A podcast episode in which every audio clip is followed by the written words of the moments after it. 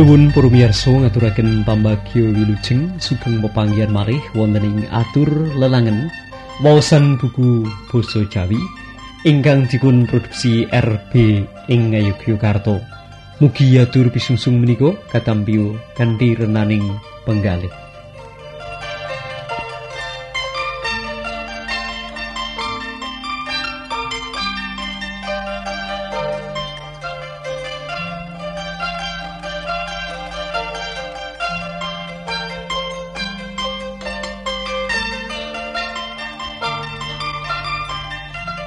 Mengga samangke badhe ngaturaken sambeting cariyos. Kesrimpet jaring sutra. Seratanipun Ardini Pangastuti kapetik saking keluarti Mekarsari. Ngaturaken seri ingkang angka pitu.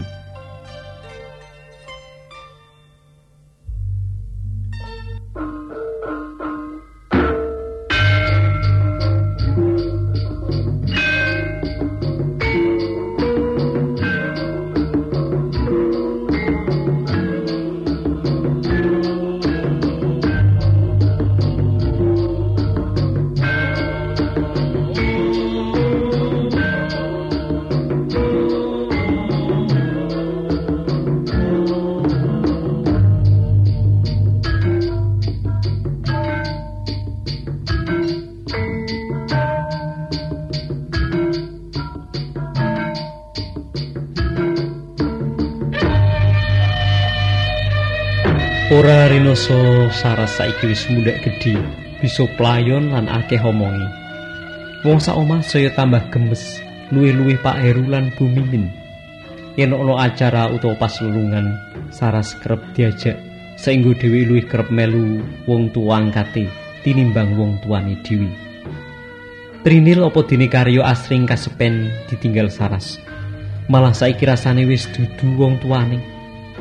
Senajan mengkono, Trinilan karyo ngrumangsani marang kabeh kabecikane Pak Heru sak keluarga. Rasa kaspen ditinggal anak, jalari karyo kepingin duwe anak maneh supaya ana hiburan. Nanging Trinil semoyo ngenteni limang taun maneh, amrih uripe luwih temoto nisik. Dheweke duwe rancangan arep misah saka keluargane Pak Heru supaya luwih bebas lan mardika. Dini Saras karben tetep nderek Pak Heru wae. Darsono sing lagi wae teko saka Kalimantan banget kaget merwi wawan ing omah. Patang taun dhewe ora bali tetelo saiki mrangguli swasana sing beda. Anane Saras lan Trinil nuwuhake panyokro bawa sing ora-ora. Apa kang masih rabi maneh lan wis duwe anak Darsono rumangsa lega sawise Mbak Mimin jlentrehake larah-larai.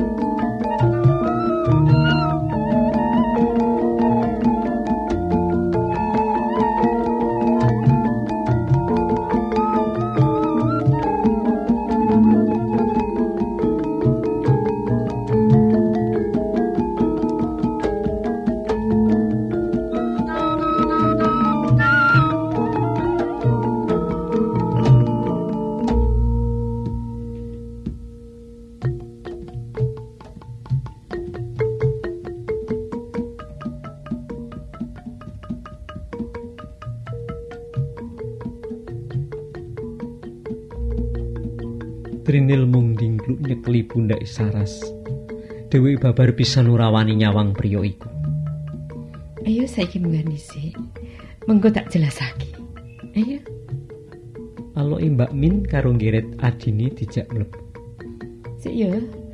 Saras. Ibu ngeterake om dhisik. Ujare marang Saras. Trinil nyawang lungane wong loro kuwi. Ing ngarep lawang kekarone mandek. Kecandet. Mbok Sum sing sajak arep metu njupuk koper. Trinil isih merwi Mbok Sum nyalami priya mau. Sawise iku dhewe wis ora migatekake maneh. Mergo Saras ngajak menyang taman nerusake oleh bandulan. Sajake bocah cilik iku durung katok anggone dolanan bandulan. Maklum, dolanan anyar isi lagi seminggu anggone masang ana taman kuno.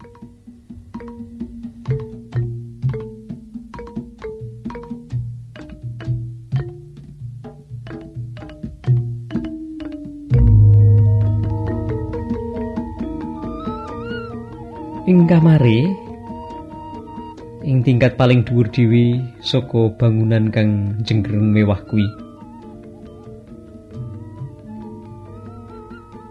Darsono lagi klisian. Dheweke rumangsa lega bareng ngerti yen Trinil dudu bojone Kamase kaya kang dikira sakawit.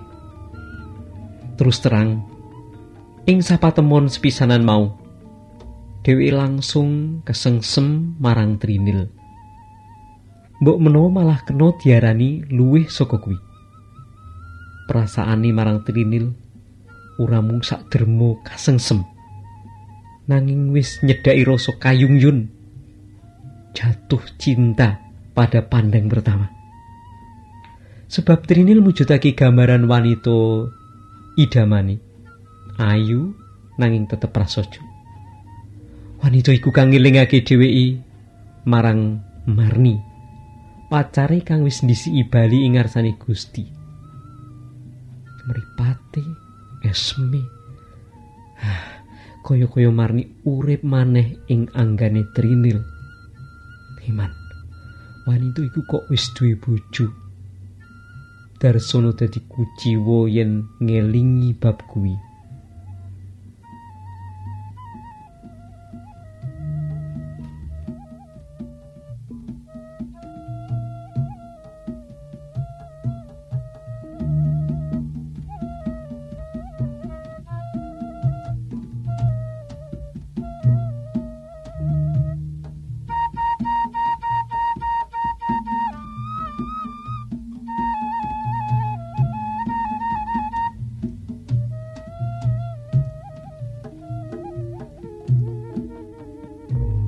Tersunu kedap-kedip. Meripate nasai eternit ing dhuwuri. Ing eternit kuwi katon wayangane Marni. Meripate kang edung kaya-kaya nyawang dheweke. Aweh panglipur marang atine kang lagi cuwa. Nanging wayangane Marni kuwi ora lecuwi ilang. Diganteni karo wayangane Trinil. Wanita kuwi meh semarang dheweke. Mripate sing indah kuwi. Nyawang dheweke lembut kebak asih.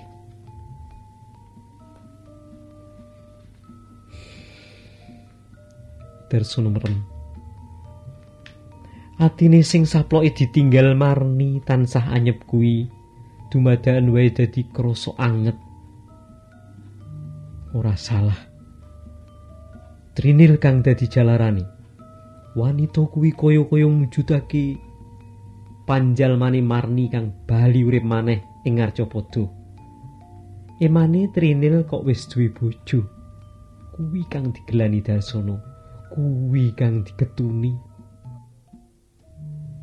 Gumawang ing mripati dino-dino kang nate diliwati bebarengan marni.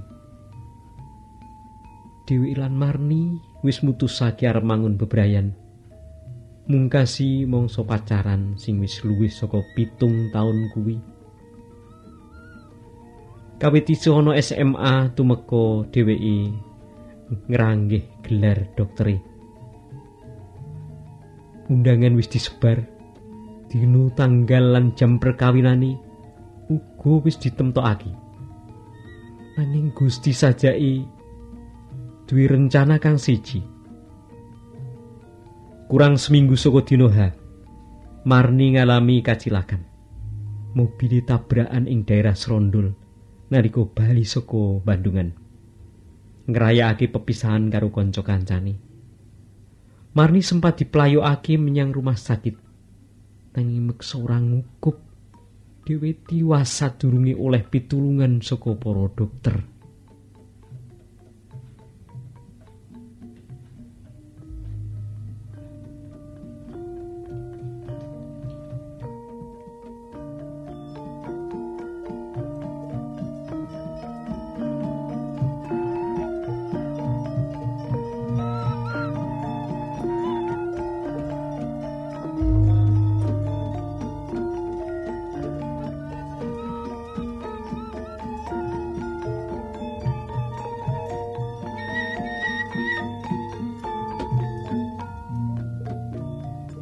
Darsono sempat ngengkleng sawise ditinggal Marni. Yo sapa wonge ora terpukul ditinggal dening wanita kang banget ditresnani. Kanggo nglalekake Marni, Darsono banjur njaluk ditugasake ing luar Jawa, ing pedalaman Kalimantan. Sopo ngerti kanthi kesibukan sing anyar lan adoh saka kutha klairane, dheweke inggal bisa nglalekake Marni. Nanging pranyata ora bisa. Wewayangane Marni tansah setya ngetutake menyang ngendi wae dheweke lunga. Mula nganti tekan saiki, Darsono tetep isih bujang. Kamangka umure wis 35 kliwat. Klebu Joko Tuwa. Wong ora bakal percaya yen dheweke ora payu rabi. Kuwi jelas mergo dheweke dokter. Rupa oleh lan sugi. Senajan sing kari dhewe kuwi arang wong sing ngerti. Maklum wong ing paran nggone sapa sing peduli karo asal usule?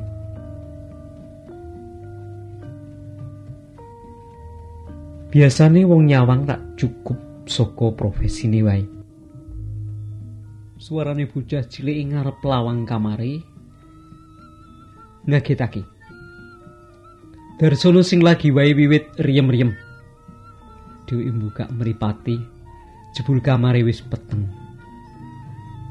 Sore nalika dheweke keturun mau. Lampune lali ora diurupake pisan. Om. Om. Om. Om. Suarane Saras sing celat keprungu maneh. Iya, iya. Oh wis tangi kok. Lagi ngrupake lampu. Wang sulani darsono karo mudhun saka rancang. Dewi banjur mlaku marani tembok cedhak lawang. Tangani grayah-grayah sedilo. Dewi rada lali karo panggonane saklar. Bareng ketemu inggal-inggal dipijet. Lampu murup biar. Kamar dadi katon padang. Darsono banjur mbukai lawang.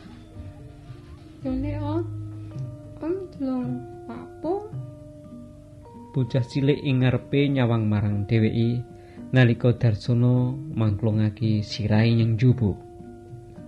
Darsono mesem. Dheweke ndodok tangani kang pengkuh kuwi nyaut saras disun pipine kiwa tengen. saras munggah meneh Karo sapa? Bapak. Nanti bapak. Sara Surawang Sulan. Nanging tangane nudingi pernah ngarep kamare Darsono sisih kidul. Dadi saka lawang sing madhep ngetan kuwi kaling-kalingan tembok. Bapak Eru sing ngeterake Saras. Darsono isih durung pati yakin karo keterangan ibu cah cilik iku. Saras manduk Mas Heru? Hmm. Suruh wang sulan kang ngantep. Banjur keprungu sandal di syarat. Ah, aku atus dhisik ya. Om Pak Pung dulu ya. Pau. Darsono mitet irungi. Saras tiru-tiru mitet irungi.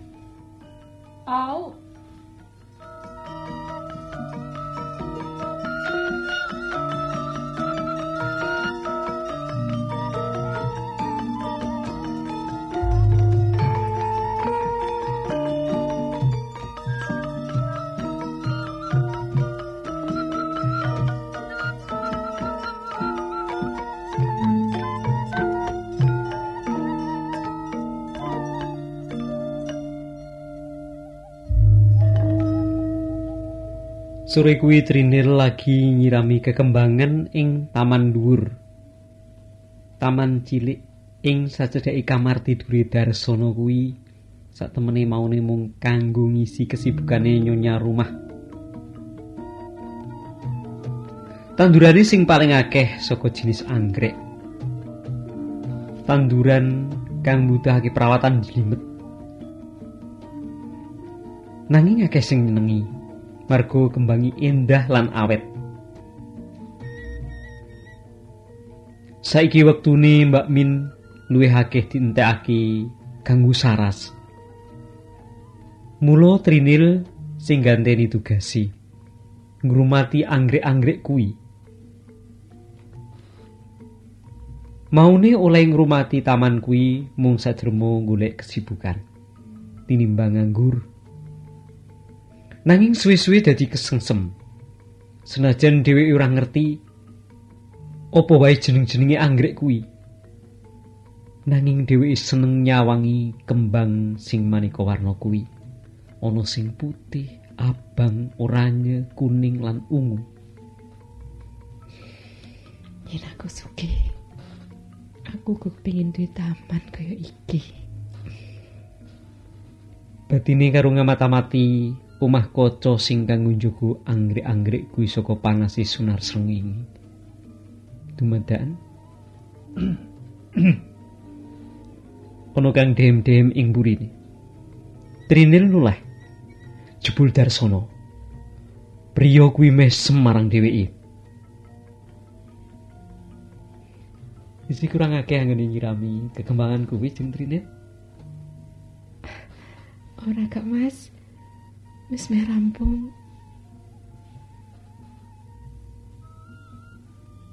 Pitakoni Darsono karo migatekake ciduk plastik sing dicekel Trinil. Trinil wangsulan karo mesem. Awal-awal dhisik Dek durung kulino karo Darsono. Trinil pancen boso karo priya iku. Nanging suwe-suwe njur ora mergo Darsono dhewe kang njaluk mengkono. Amrih kesane ora formal. Wong yo sak keluarga wae kok dadak basan binasan. Kejaba yen karo Mas Heru kuwi beda. Ngono alasane Darsono lan Trinil mung manut. Kliwangi po? Ora sah Mas. Mingkari sithik wae kok. Kira-kira mungkari kurang pitung pot. Trinil ngitung pot-pot sing durung teles. Heeh. Ming pitu kok Mas. Aloke maneh banjur siap-siap metu njupuk banyu. Darsono mung nyawang Trinil kang lagi njunjung banyu ing timba kuwi. Sak temene dheweke bisa wae njupukake banyu mau. Nanging wong papane oleh njupuk ya mung cedhak. Percuma. Maneh dheweke seneng nyawangi Trinil nggawa banyu kaya iku. Gawan abot ing tangane Trinil njalari otot-otote bisa ketarik kenceng. Katambah klambine sing rada teles. Dadi awake katon cumitak indah. Sesawangan kang kaya mengkono iku kanggone Darsono mujudake kenikmatan tersendiri. Kenikmatan kang angel digambarake. Apa maneh dijabarake. Mula sajroning seminggu dheweke ana ing omah kono. Saben weruh glibeti Trinil ing taman cedhak kamare. Darsono mesti nyempatake kanggo ngematake. Ya mung sawates nyawang utawa ngematke kuwi wae tok. Darsono durung wani tumindak sing luwih adoh. Nganti Trinil oleh siram-siram rampung, Darsono durung mingket saka papaning ngadeg. Monggo Mas. Ngerti-ngerti Trinil pamitan arep mudhun. Darsono glegepan kaget. Refleks tangane nyandak lengene Trinil nalika wanita iku liwat ing sajidake. Eh, eh sik jeng, kandhani karo ngencengi cekelane. Kanthi alus Trinil ngipatake tangan kuwi. Uh, sorry. Darsono ngeculake cekelane. Raini rada mbrabak. Isin. Wedi yen dikira arep kurang ajar. Arep ngendika apa, Mas? Alus pitakoni Trinil. Suarane keprung lembut ing kupinge Darsono. Aduh. Marni. Batine Darsono jerit. Loh, arep ngendika apa, Mas Dar? Trinil ngambali pitakoni. Mergo nganti sauntara Darsono mung meneng wae. Darsono gedek. Ah, ora situ kok, Cing. S sorry, Cing. Trinil dadi salah tingkah. Apa maneh nalika disawang? Raini Darsono katon ana wawahan. Ora sumringah kaya dik mau. Kaya biasane. Rai katon mendung. Trinil getun. Ora ngira yen perasaane Darsono alus banget.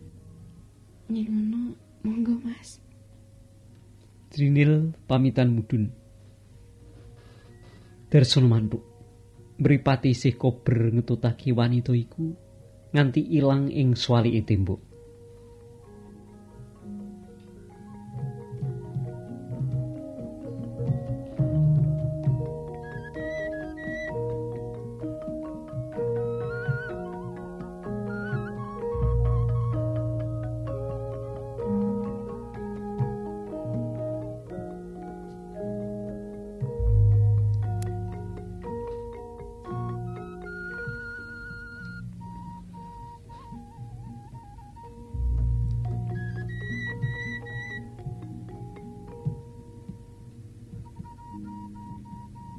Kedadian ing dhuwur iku njalari perasaane Trinil dadi ora kepenak.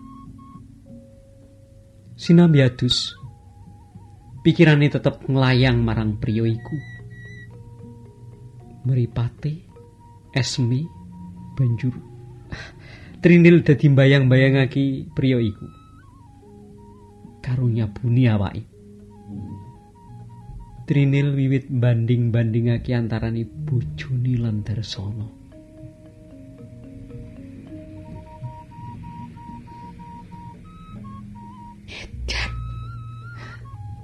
Kena banding-bandingake antarane Kang Karyo karo dheweke.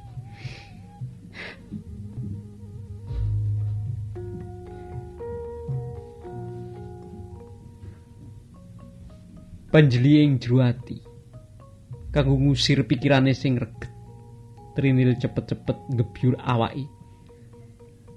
Lan wewayangane Darsono sanadika ilang.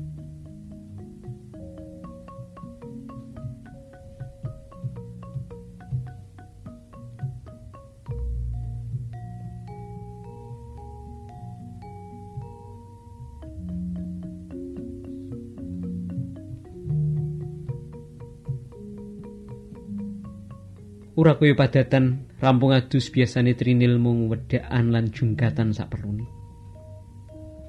Dheweke ora tau suwe lungguh ing ngarep meja rias kaya saiki.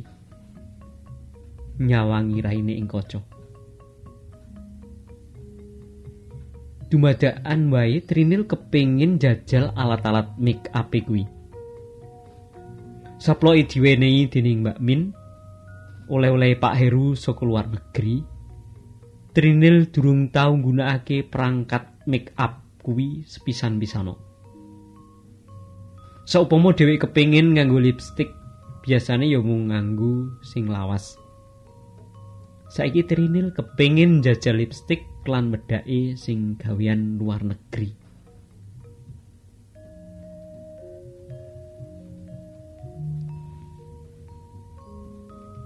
Durung rampung oleh dandan lawang kamare wis diduduk. Sopo? Pitakoni tanpa ngalihake raine saka kaca. Aku kuwi swara sing keprungu swara lanang kepeksa trinil mingket mbukakake lawang. Karyo mlebu sawise lawang buka. Kaget weruh bojone katon dandan ayu. Kok macak ki arep? Lunga menyang endi? Pitakoni karo migatekake bojone tanpa kedip ora menyang endi mung kepengin jajal wae saploke diwenehi karo Mbak Min tak durung tau tak jajal wangsulane trinil karo arep bali ngadep kaca maneh mergo oleh nganggo eyeshadow durung sampurna. Dumadakan tangane sing lanang krasa nyengkerem pundhake. Trinil noleh. Ono apa to, Mas? Pitakoni kaget. Ora biasane karya kasar kaya ngono kuwi. Aku ora seneng kowe macak kaya ngono kuwi. Busan. Apa? Apa to, Mas? Trinil ora mudeng gini kok ujug-ujug bojone nesu. Kamangka sawisi mapan ing Semarang, dheweke sok-sok uga dandan kaya iki. Mung wae dudu make up sing saka luar negeri. Lah kok saiki ujug-ujug bojone nesu. Kamangka saka rumangsane oleh dandan yo ora minor banget. Mung tipis kaya biasane.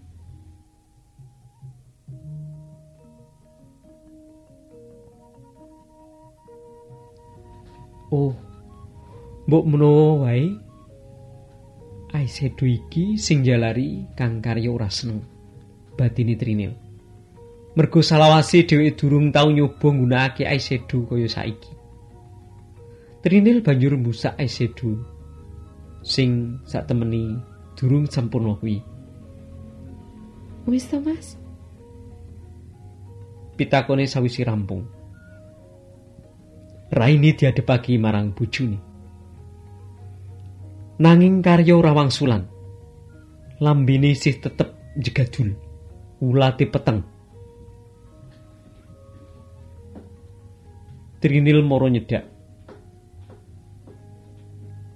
Jejeri lungguh sing lanang ing pinggir tempat tidur. Nyenengan kuwi lho. Kenapa kok ujug-ujug nesu tanpa sebab? Pokoke aku ora seneng kowe macak titik. Aku ora ora macak to, Mas. Mung sak dermo nganggo pupur lan lipstikan wae. Ya mung tipis. Masa wadon ora oleh pupuran. Karyo melingos. Dewi uga mangkel karo awake dhewe. Gene yo ujug-ujug wae atine kok dituwi rasa cemburu. Nyawang trinil sing katon saya ayu, katon seger lan sumringah kaya iku ora dadi mongko ki atine, nanging malah dadi kosok baline. Atine karya rumangsa kesiksa. Luwih-luwih sawising sawijining dina ing meja mangan karya ngunangi mripati adine Pak Heru sing dadi dokter iku nyawang bojone kanthi panyawang kang angel ditegesi. Wiwit kuwi rasa cemburu tansah nyiksa atine. Saumpama priya mau wis duwe bojo, mbok menawa karya ora patiya cemburu banget-banget kaya kang dirasakake saiki iki. Ngerti karya mung meneng, malah nganggo melengos. Trinil uga wegah takon-takon maneh. Dheweke banjur bali ngadep kaca maneh. Ora nambahi dandanani. Nanging busak wedak lan lipstik sing wis kadung tumemplek ing raine iku. Meneng-meneng karya migatekake apa kang ditindakake bojone kanthi nyolong-nyolong. Ing batin satemeni dheweke uga ora tega meruhi sing wadon tumindak kaya iku. sapa wae kowe ngerti marang isin atiku wong ayu batine nelongso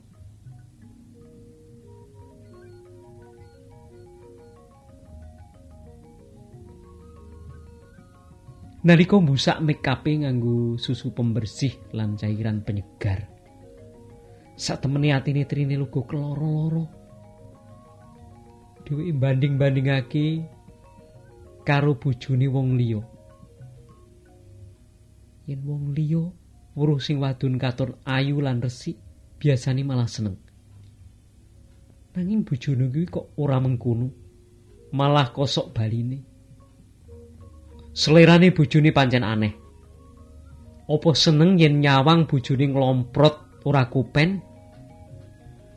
Batine Trini yo Yo gelo. Jenenge wong wadon kuwi arep wis duwe bojo yo tetep pengin katon ayu, katon seger. Sebab daya tarike wong wadon iku pancen yo ing kono. Apa sih kok Kang Karyo ujug-ujug duweni sikap kang aneh-aneh kaya iki? Batine maneh.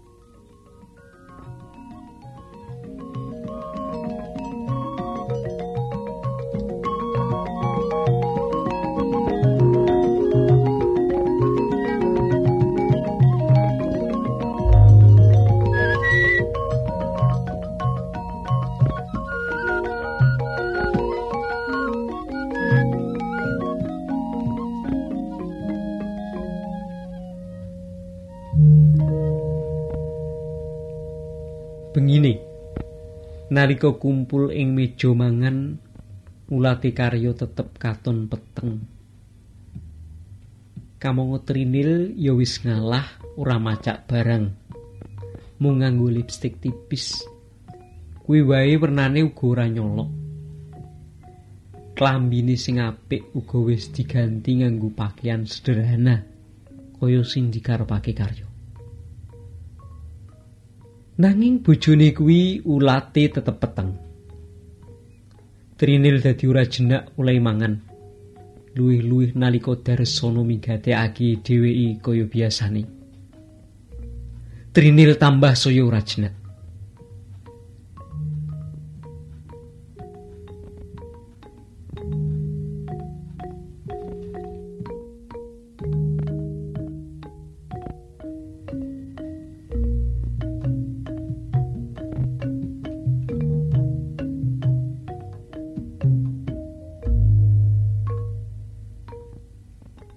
Acara mangan iku durung nganti rampung. Karya uga wis ndisiki ninggalake meja mangan. Alasane dheweke selak kesusu dinteni dening Pak Menot. Mau semayanan arep ngeterake Pak Menot nili ipunakane sing loro. Apa sing dikandhakake dening karya kuwi pancen bener. Dheweke ngeterake Pak Menot menyang mugas. Nili ponakane sing mentas metu saka rumah sakit. Nanging oleh gelem ngeterake Pak Menot kuwi sejatine mung kepengin ngindani Darsana. Saplok Darsana ana kono. Rasane karya dadi ora betah ing omah.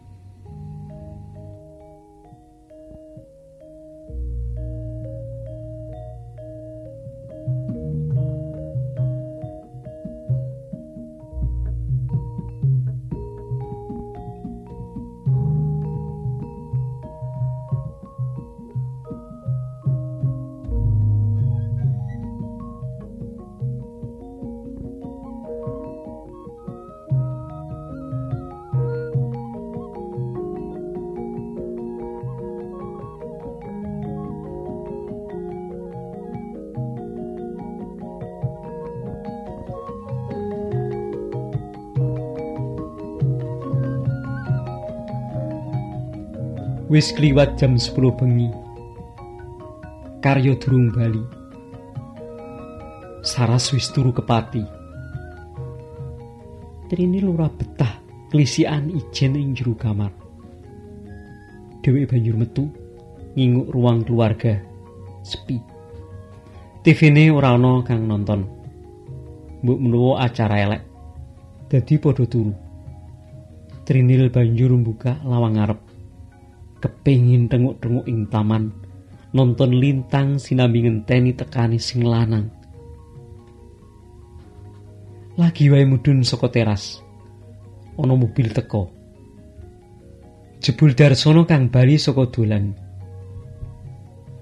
Sore mau Trinil krungu oleh pamitan Mbak Yuni arep mubeng-mubeng kutha.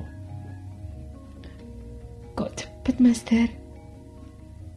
Ditakoni Trinil nalika priya iku mandek ing ngarepe karo buka kaca mobil. Iya, ora ono sing ngancani. Kelayapan dhewe rasane kok ora kepenak. Si iya sing Trinil. Ta nglebake mobil dhisik. Darsono terus bablas menyang garasi. Trinil bingung. Arep bali mlebu omah rasane ora kepenak. Arep nerusake menyang taman kok rikuh. Dewi wis graito. Yen tenguk-tenguk ing taman, Darsono mesti bakal ngancani. Apa maneh ngerti yen sing lanang durung teko. Ing kalane dheweke isih bingung kaya iku. Dumadaan Darsono wis ngadeg ana sandingi. Ora bisa turu sing trinil. Di karya durung teko apa? Trinil menggedek. Nanging bareng sadar yen suasanane mung remeng-remeng sebab sunare lampu teras apa dini taman ora nganti tekan panggonane ngadeg kuwi. Trinil banjur wangsulan yen sing lanang durung bali. Menyang ndi to oleh tilik wong loro? Mugas. Lah iki mau jeng Trinil arep metu menyang endi? Nginguk keng roko. Master, mbok ora sah nggodho. Lah yen ora nginguk keng roko, ngarep menyang endi? Bengi-bengi ngarepan. Karepku arep dedengok ing taman. Wong ora bisa turu. Ah, lah ya yo yen lungguhan ing taman, tak kancani to wis. Tinimbang dhewean. Aku ku durung ngantuk kok.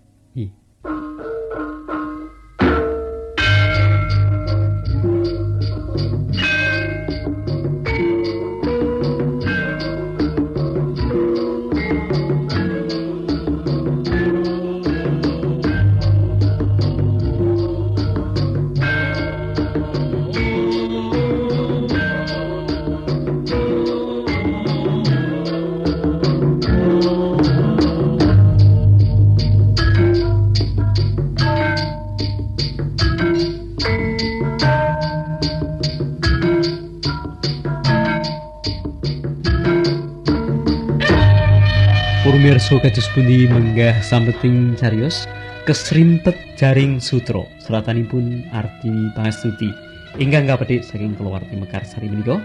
Semoga carios menika dipun lajengaken malih. Wonten ing wekdal sanesipun